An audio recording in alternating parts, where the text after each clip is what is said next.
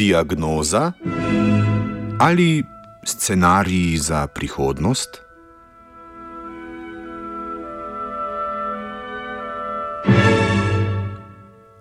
Predsednik Evropske komisije Jean-Claude Juncker je v sredo predstavil belo knjigo petih scenarijev za ureditev Evropske unije po izstopu Velike Britanije. Govor v Evropskem parlamentu, ki služi kot uvertura v slavje ob 60. obletnici rimskega statuta, je uporabil za predstavitev odziva Evropske komisije na porast nezadovoljstva z delovanjem Evropske unije. Jedro govora je namenil iskanju rešitev in v ta namen predstavil pet scenarijev za ureditev Evropske unije 27 članic po izstopu Velike Britanije.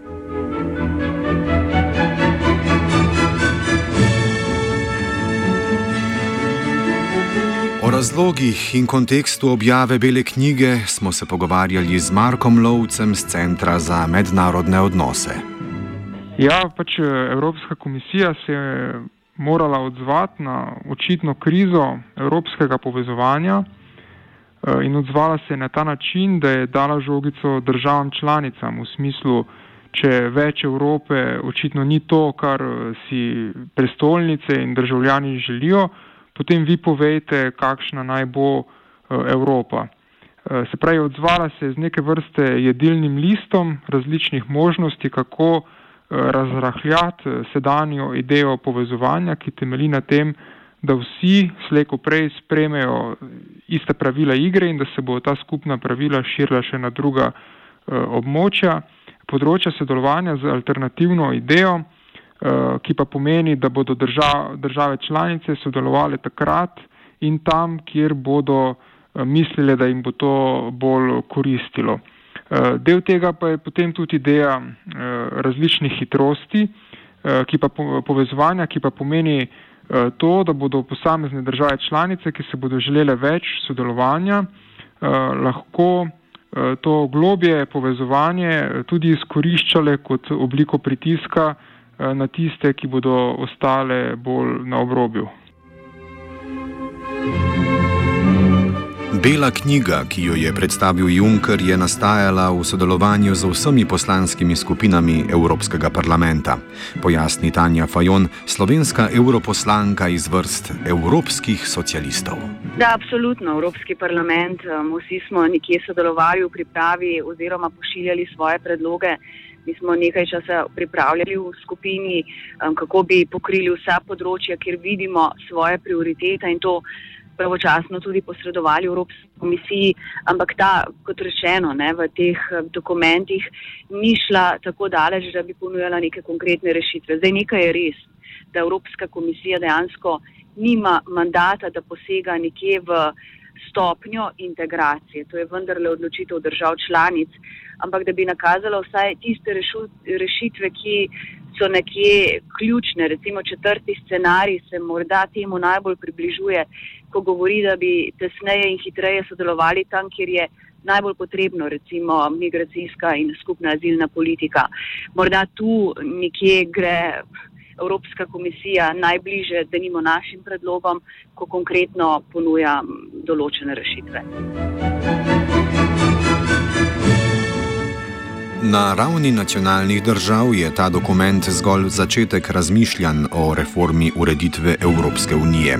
Komentira Fajon. V stolnicah se začenja odvijati javna razprava, um, ni to začetek, predvsem je veliko odvisno od nacionalne politike, ali bo uvedla te javne razprave, koliko bo vključila državljane, da hkrati tvorijo to, kakšna prihodnost bo zdaj v Sloveniji. Eno takih javnih razprav smo videli včeraj z mladimi ko je prišel predsednik Evropske komisije. Tudi v preteklosti je bilo nekaj organiziranih strani zunanjega ministrstva, ampak želela bi si bolj v smislu javnih razprav na eni strani. Lahko jih vodijo tudi mediji, ki imajo tu veliko vlogo, vodi jih lahko politika, vodijo jo lahko nevladne organizacije, da se čim bolj ustvari, predvsem, če razmišljam Slovenijo, nek dialog, kakšno vidimo prihodnost Evropske unije in pa vlogo Slovenije v njej. Po prvem scenariju, za katerega se je zauzel tudi slovenski premijer Miro Cerar, naj bi Evropska unija nadaljevala z obstoječo ekonomsko, integracijsko ter socialno politiko po Bratislavski deklaraciji iz leta 2016. Seznam petih scenarijev vključuje dva ekstrema, drugega in zadnjega. Zadnji peti scenarij pod geslom Veliko več skupaj skriva načrt za postopno federalizacijo Evropske unije, ki jo je slavila tudi ljubljanska pobuda, predstavljena januarja letos. Lovec komentira ljubljansko pobudo in idejo o federalizaciji. Ja, v bistvu se mi zdi, da gre bolj za to, da ta Ljubljan, tako imenovana ljubljanska pobuda, sicer mislim, da v Bruslu nihče še ni slišal za, za kaj to vrstnega, um, vsebuje nezdružljive stvari. Ne? Ta ljubljanska pobuda na eni strani govori o več uh, nacionalne države, pa na drugi strani o več Evrope. Ne? In uh, zdaj, če bi uporabili metaforo torte, je to tako, da bi rekli, Eh, če bo vsak prispeval svoj kos torte takrat, ko bo hotel, bomo v vsakem trenutku imeli več torte, ki bo na voljo vsem. Ne. To je seveda absurd. Ampak to je pač eh, ne, neka politična izjava, ki jo lahko razumemo, ne, tudi v kontekstu tega, kako se pahor eh, premika. Ne. Tudi pahorja recimo so izvolili um, desničarje, ne, hkrati pa nimajo nič od njega. Ne. Se pravi, tudi pahor je neke vrste torta, ki jo imaš, pa jo Eh, ne moreš pojesti. Um, je pa tu še ena druga zanimiva stvar, ne neko to intelektualno ozadje uh, te ljubljanske pobude, uh, ki pa se mi zdi, da je dost anahronistično, ne? ker ideje v zadju te pobude izvirajo iz nekega pogleda na Evropo 19. stoletja, sprejmamo nek um, hegelijanski nacionalizem, vero v nacionalno državo, uh, Eh, na eni strani, na drugi strani pa kantovski demokratični mir. Ne. Ampak te Evrope 19. stoletja, Evrope narodov ni več. Ne. Danes imamo Evropo, ki je ekonomsko izjemno prepletena, soodvisna in je del uh, globalnega sveta in potrebuje skupne rešitve, sprej kako skupaj uporabljati vse vire, ki jih imamo na voljo, kako skupaj zagotoviti razvoj tistih na periferiji in tako naprej. Uh, in v tem smislu je ideja neke Eh, Evrope, narodov z, z družinsko povezanimi elitami, popoln, popoln anahronizem. Po drugem scenariju naj bi Evropska unija oklestila birokratski in regulativni aparat do te mere, da bi supranacionalna tvorba temeljila zgolj na skupnem prostem trgu. Evropska unija bi za vsako novo regulativo morala izbrisati dve stari: moč odločanja o migracijski politiki ter obrambi in varnostnih ukrepih bi bila izključno v rokah nacionalnih držav. Ideja o manjši politični integraciji in večji vključenosti v skupno tržišče pa ni tuja, saj je bila to glavna zahteva bivšega britanskega premijeja Davida Camerona, preden je razpisal referendum o izstopu Velike Britanije iz Evropske unije. Drugi scenarij komentira Fajon. Dejstvo je, da si Velika Britanija že predvsem enotnega trga in zato tudi te ideje ali to tisto, kar bo najbolj države povezovalo enotni trg evro, skupna valuta, neko um, trdno bančni gospodarski mehanizmi. Ena od možnih poti to je, zagotovo pa mislim, da to ne bi bilo dobro, ko gre za politično sodelovanje in druge skupne globalne izzive, ki jih Evropa ima. Vendarle pa so to idejo države članice ter institucije v večini že zavrnile. A kot pove Marko Lovec, drugi scenarij kljub temu služi točno določenemu namenu ustrahovanja tistih držav članic, ki se niso pripravljene bolj integrirati. No, to idejo so v bistvu vse eh, države članice, jedrne države članice in eh, te, ki se predvideva, da bo v jedru in uh, tudi vse obstoječe evropske institucije že zavrnile. Je pa ne glede na to ta ideja pomembna, nekaj ravno ta ideja je signal uh, vsem uh, drugim državam članicam, kaj jih čaka v primeru, da ne bo želele pristati na uh, sodelovanje na različnih področjih, sprej na to solidarnost. Ne.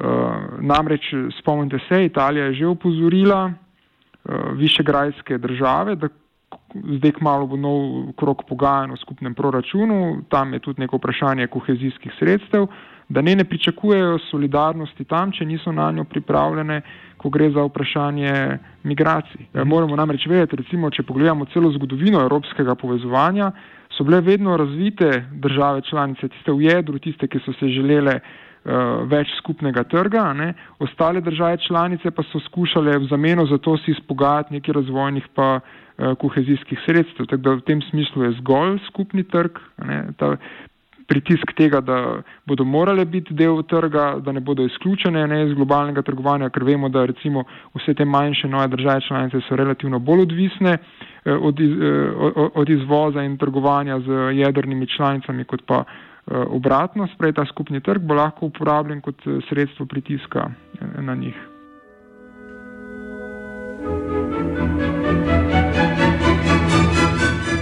Po četrtem scenariju naj bi Evropska unija stremela k temu, da bi delovala na manjšem številu področji, a tam toliko bolj učinkovito in racionalno.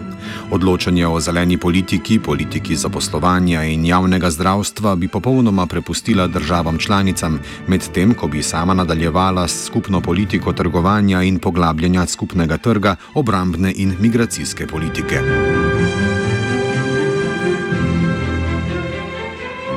Tako pridemo do jedrnega, tretjega scenarija, ki predvideva, da države članice, ki si želijo večje integracije in sodelovanja, to lahko storijo.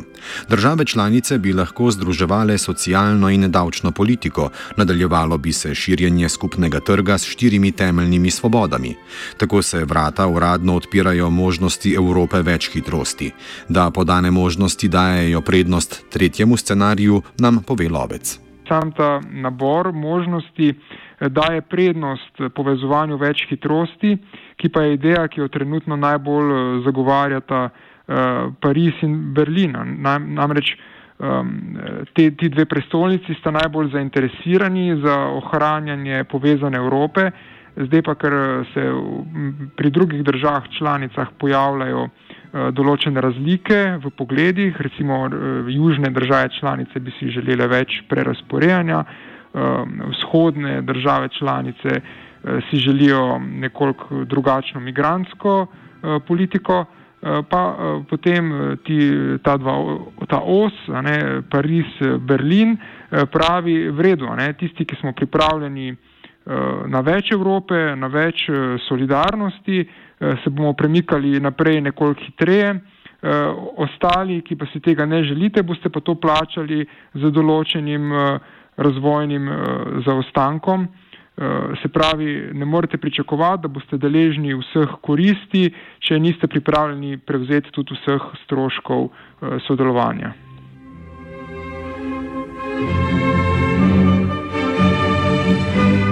Šoltes meni, da pri scenariju več hitrosti ne gre za napoved za prihodnost, ampak prej prikaz obstoječega stanja.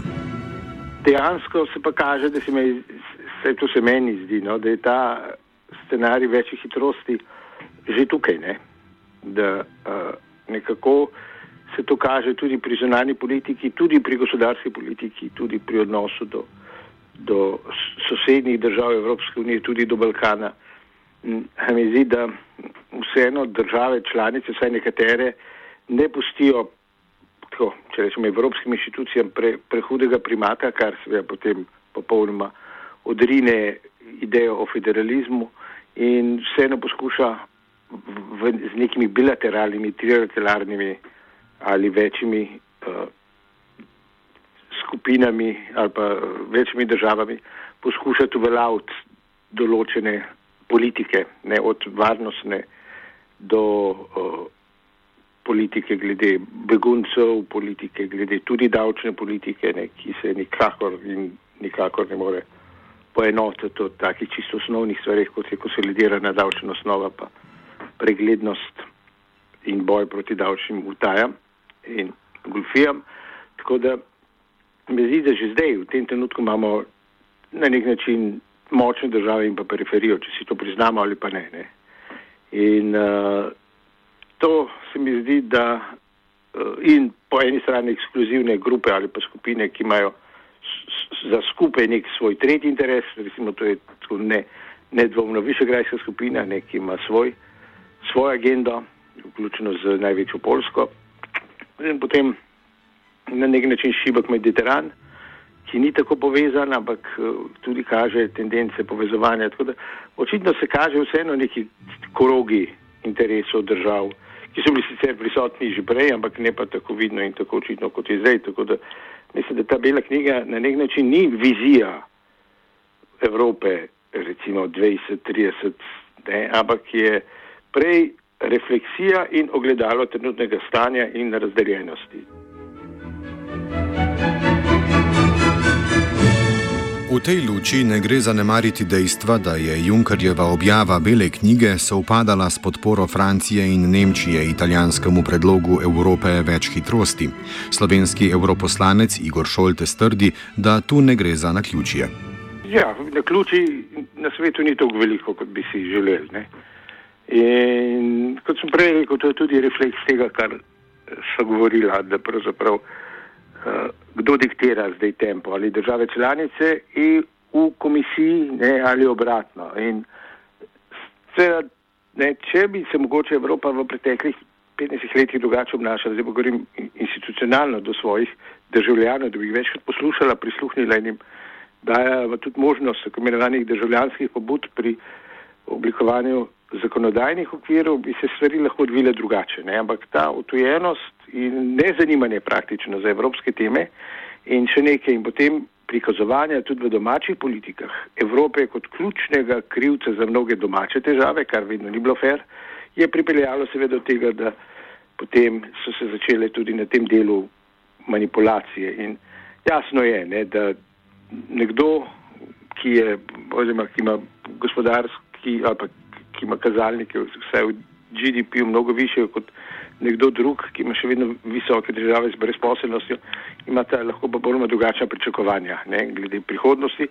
Predvsem pa, ne, to pa je treba reči tudi, kot smo videli v primeru Grčije, pa reševanje tako imenovanih ekonomskih težav članic v, v krizi je pokazalo, ne, koga se je v resnici reševalo. Ne, in, če rečem, da, da je ta kriza relativno mimo, da so banke, kolikor so lahko rešene, ne, govorim tudi o nemških in francoskih, je seveda pa zdaj čas odkrito spregovoriti o Evropi več hitrosti in v podporo tega se, se uh, odpre bela knjiga, ki predstavi pet scenarijev po obisku vseh držav, pa lahko predsednik komisije reče, no vse sem vam rekel, ne, da edino, kar je, obstaja, ker ni soglasja praktično nobeni od teh scenariju nam ostane uh, Evropa več hitrosti.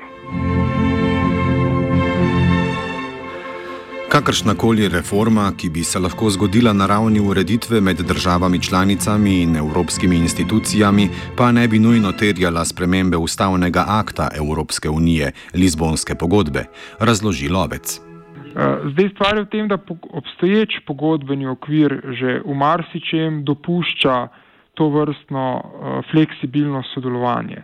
Um, gre tudi za to, da si nihče ne želi uh, spreminjanja pogodbenega okvira, uh, ker bi to prineslo en zelo dolg in zelo zapleten uh, proces, ki v trenutni klimi uh, nenaklonjenosti evropskim, evropskim idejam uh, bi pomenil še neko dodatno rahljanje pravnega okvira, najbrž neskončne zaplete v pogajanjih in bi uh, pre, enostavno preveč energije eh, pobral političnim odločevalcem. Ne moremo vedeti, da bodo tu zdaj še pogajanja o Brexitu, ki prav tako potekajo na podlagi obstoječega okvirja, da bi Velika Britanija lahko sodelovala v pogajanjih o novem pravnem okvirju, čeprav iz njega izstopa. Ne spravi, veliki enih. Da, da bi tudi aktualne krize, še, še vedno trajajoča kriza evroobmočja, migranska kriza najbrž vplivale uh, Eh, na vsebino eh, tega novega pravnega okvira. Skratka, nihče si zdaj ne želi spreminjati pravnega okvirja.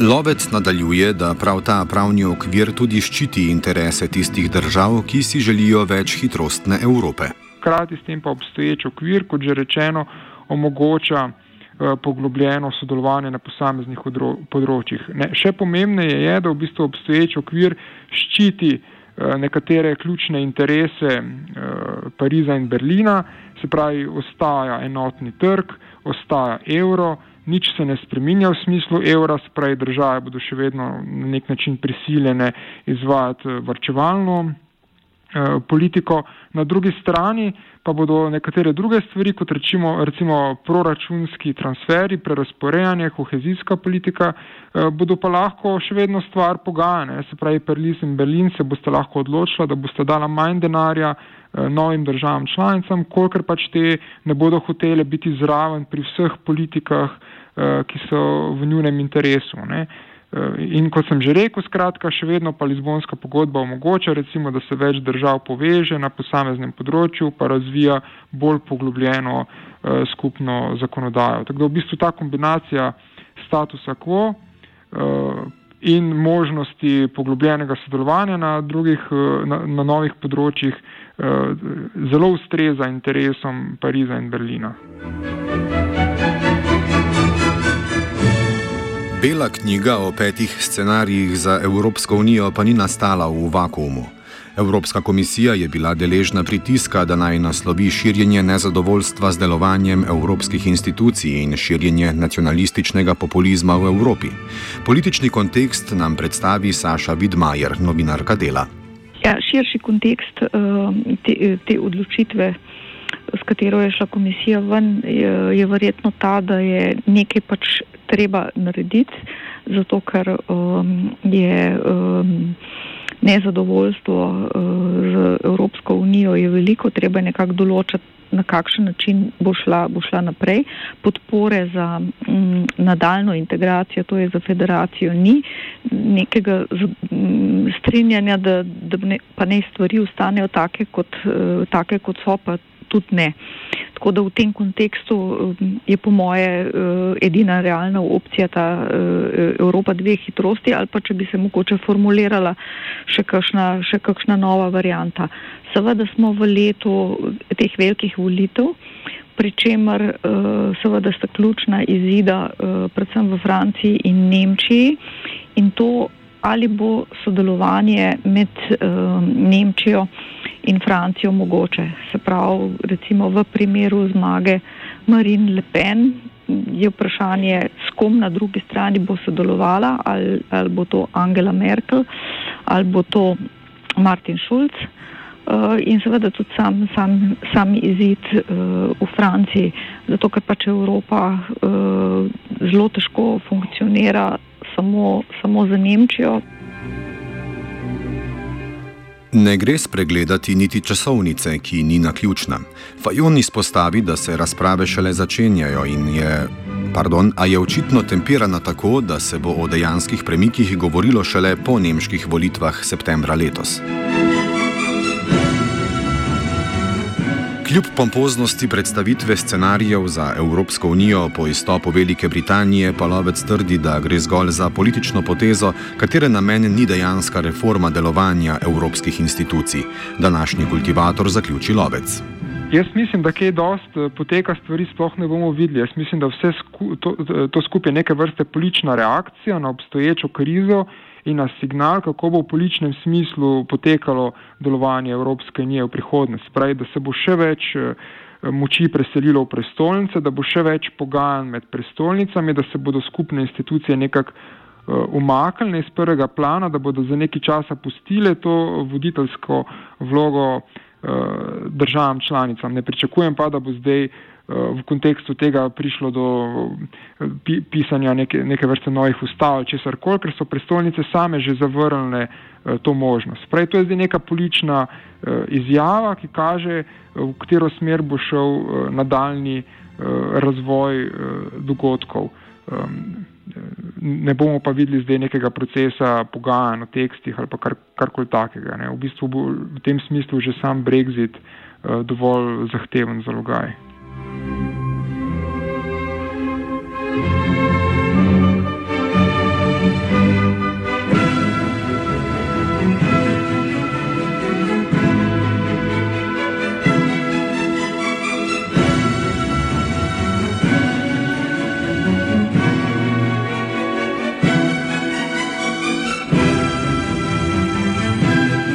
Prvič je samostojno kultiviral Igor.